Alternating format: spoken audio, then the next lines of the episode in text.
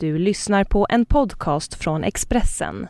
Fler poddar hittar du på expressen.se podcast och på iTunes. Naturens revansch i Tjernobyl. Det här är Expressen Dokument, ett fördjupningsreportage. Varje dag med mig, Johan Bengtsson, som idag läser Henrik Eks text om 27 år efter kärnkraftskatastrofen. Spåren efter kärnkraftshaveriet är yttersta beviset på mänskligt misslyckande. Men 27 år efter katastrofen har naturen tagit revansch. Å ena sidan är det här en spöklik trakt, märkt av strålning och förfall. Å andra sidan finns här numera ett unikt djurliv med allt från vildhästar till vargflockar.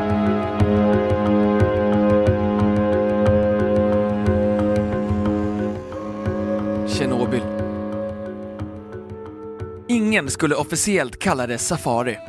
Ändå är det precis vad vi gett oss ut på.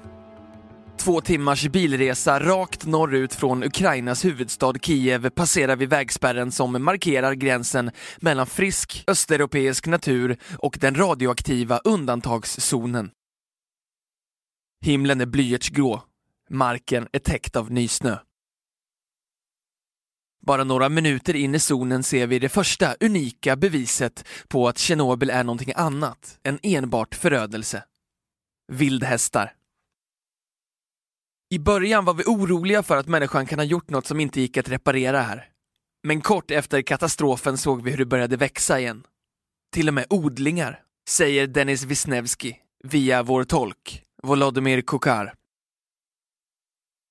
Vi sitter alla i samma minivan. Wisniewski är en av dem som på regelbunden basis jobbar i zonen. Han följer och mäter värdena i det ekologiska systemet. Fem år efter katastrofen hade den ekologiska balansen återskapats. Det gick väldigt snabbt. Det var skönt att se att människan inte gjort något som för alltid förstört marken här, säger Dennis Wisniewski. Vi åker genom Röda skogen, som fick sitt namn efter tallkronorna som färgades röda av strålskadorna efter haveriet 86. Stora delar av skogen skövlades åren efter och grävdes ner. På många ställen ser vi hur raka led av nyplanterad skog växt upp i dess ställe. Där går vildhästarna, de som har sitt ursprung i Mongoliet men som förr fanns vild på den ukrainska steppen. Dock aldrig i Tjernobyl, förrän de planterades in och sen på egen hand gjort territoriet till sitt nya hem. Efter att ha åkt en liten bit ropar Dennis Wisniewski högt att chauffören måste stanna bilen vargspår. Vargstammen i området är beryktat stark. Trots det har Wisniewski, som arbetat här i 12 år, bara sett varg tre gånger. Vi gör ett försök att följa spåren i nysnön. Plötsligt ser vi vargspår överallt. Lite gul snö i ett hörn markerar revir, förklarar Wisniewski. Vi hinner inte gå långt förrän vi hittar en bit päls troligen från en hjort. Det finns inga klövar i närheten, så antingen har vargen burit på något eller så har en rovfågel tappat pälsbiten här. I vanliga förhållanden skulle vargar kunna äta döda djur, människors sopor eller tamdjur. Det som finns närmast helt enkelt. Men här i Tjernobyl fungerar det inte så. Här är vargarna verkligen vilda djur som jagar sina byten, säger Dennis Wisniewski. Idag är det 27 år sedan olyckan ägde rum. Fortfarande jobbar omkring 3000 personer på kärnkraftverket Tjernobyl. Det är först där utanför som vår strålningsmätare ger utslag. Bortsett några fickor av strålning här och där reagerar mätaren knappt alls under våra dagar i zonen. Delvis på grund av att den radioaktiva marken är täckt av snö, enligt vår tolk Volodymyr Kokar. Vi står så nära man kommer kärnkraftverket en stenstaty utanför grindarna föreställer två händer som håller upp en byggnad prydd av blixt. Där bakom syns den grå och rostiga reaktorn. Arbetet för de 3000 anställda består i att avveckla reaktorbyggnaderna och ombilda allt till en plats dit andra kan skicka sitt förbrukade uran för nedgrävning. Därmed skulle Ukraina på nytt kunna tjäna pengar på marken som är märkt som direkt farlig och obeboelig. Idag betalar landet för att ta hand om sitt uran. Arbetet med egen avskälpningsplats för uran förväntas ta mellan 50 och 100 år att färdigställa, enligt Dennis Wisniewski. Förutom de 3000 anställda som reser fram och tillbaka till Tjernobyl finns ett 60-tal personer som bor kvar inne i zonen. Snittåldern på dem är 75 år. Det är minst sagt spartanskt hemma hos paret Maria och Ivan Semenjuk i byn Parishiv Parisjiv hade 678 invånare före katastrofen. Drygt 140 återvände efter evakueringen. Idag är nio personer kvar.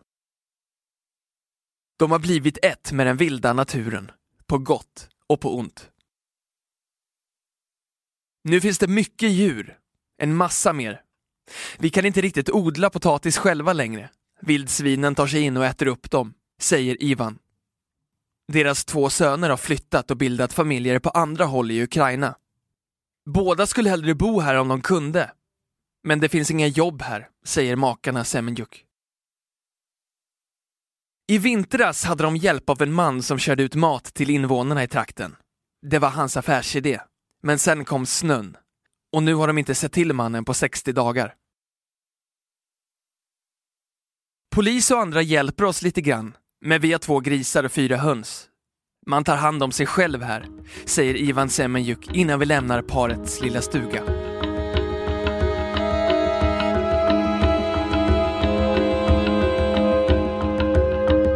Expressen Dokument, en podcast från Expressen.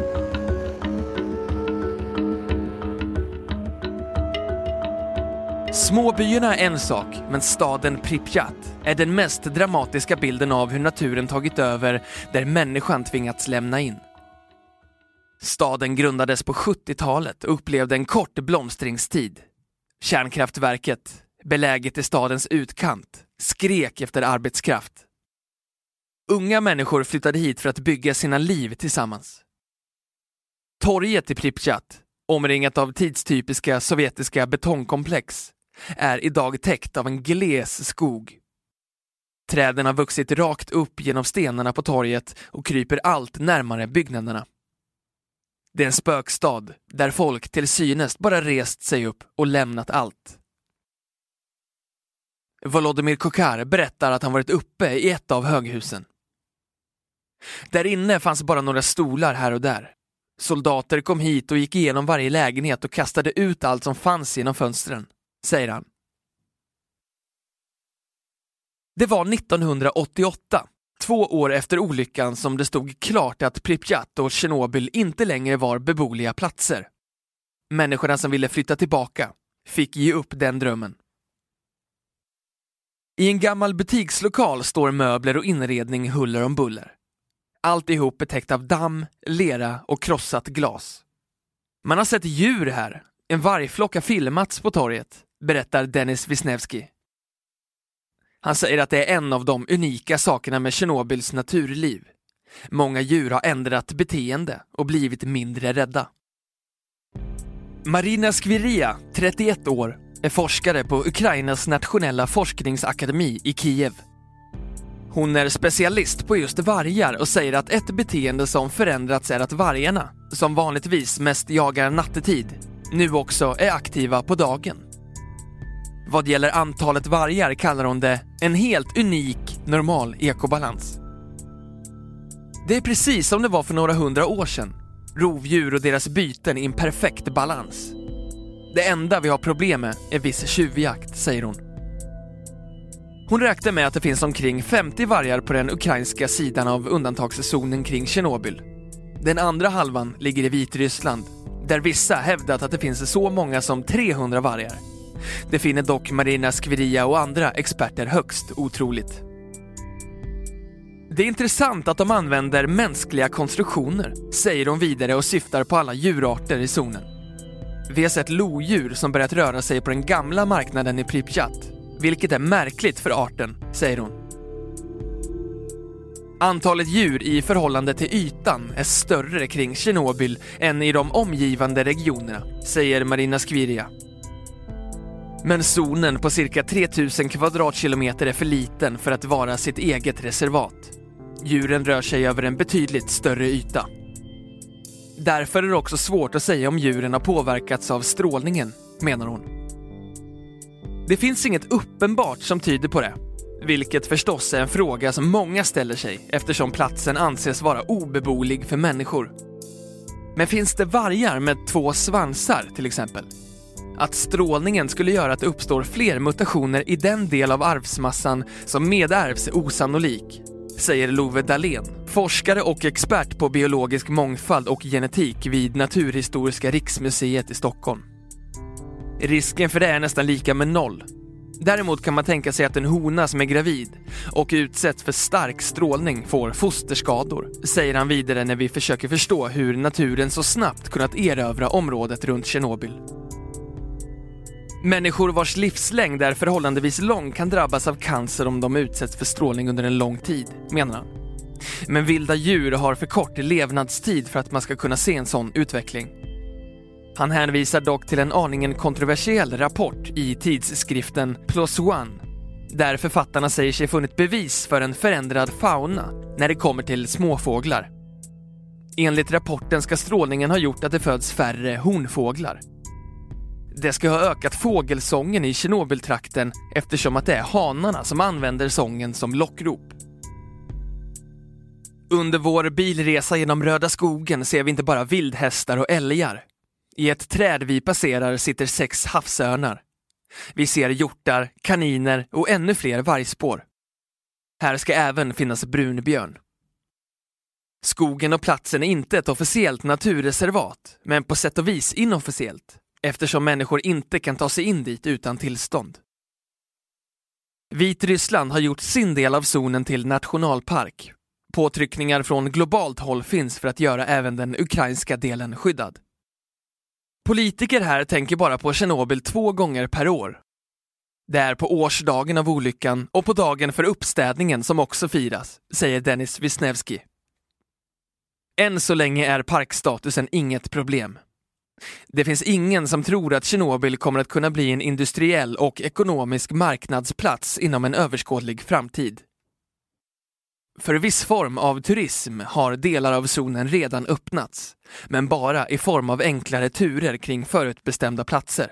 För att få tillgång att åka runt fritt krävs tillstånd från statligt håll och en egen guide.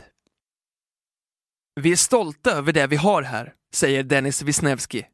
Det är en unik plats och ett exempel på hur naturen alltid kommer tillbaka.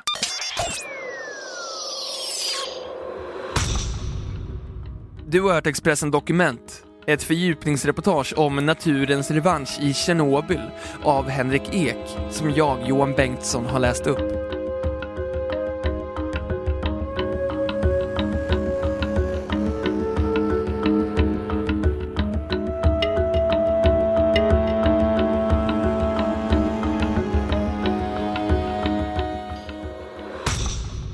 Du har lyssnat på en podcast från Expressen. Ansvarig utgivare är Thomas Mattsson. Fler poddar finns på Expressen.se och på iTunes. Ett poddtips från Podplay. I fallen jag aldrig glömmer djupdyker Hasse Aro i arbetet bakom några av Sveriges mest uppseendeväckande brottsutredningar. Går vi in med hemlig telefonavlyssning och, och då upplever vi att vi får en total förändring av hans beteende. Vad är det som händer nu? Vem är det som läcker? Och så säger han att jag är kriminell, jag har varit kriminell i hela mitt liv men att mörda ett barn, där går min gräns. Nya säsongen av Fallen jag aldrig glömmer på Podplay.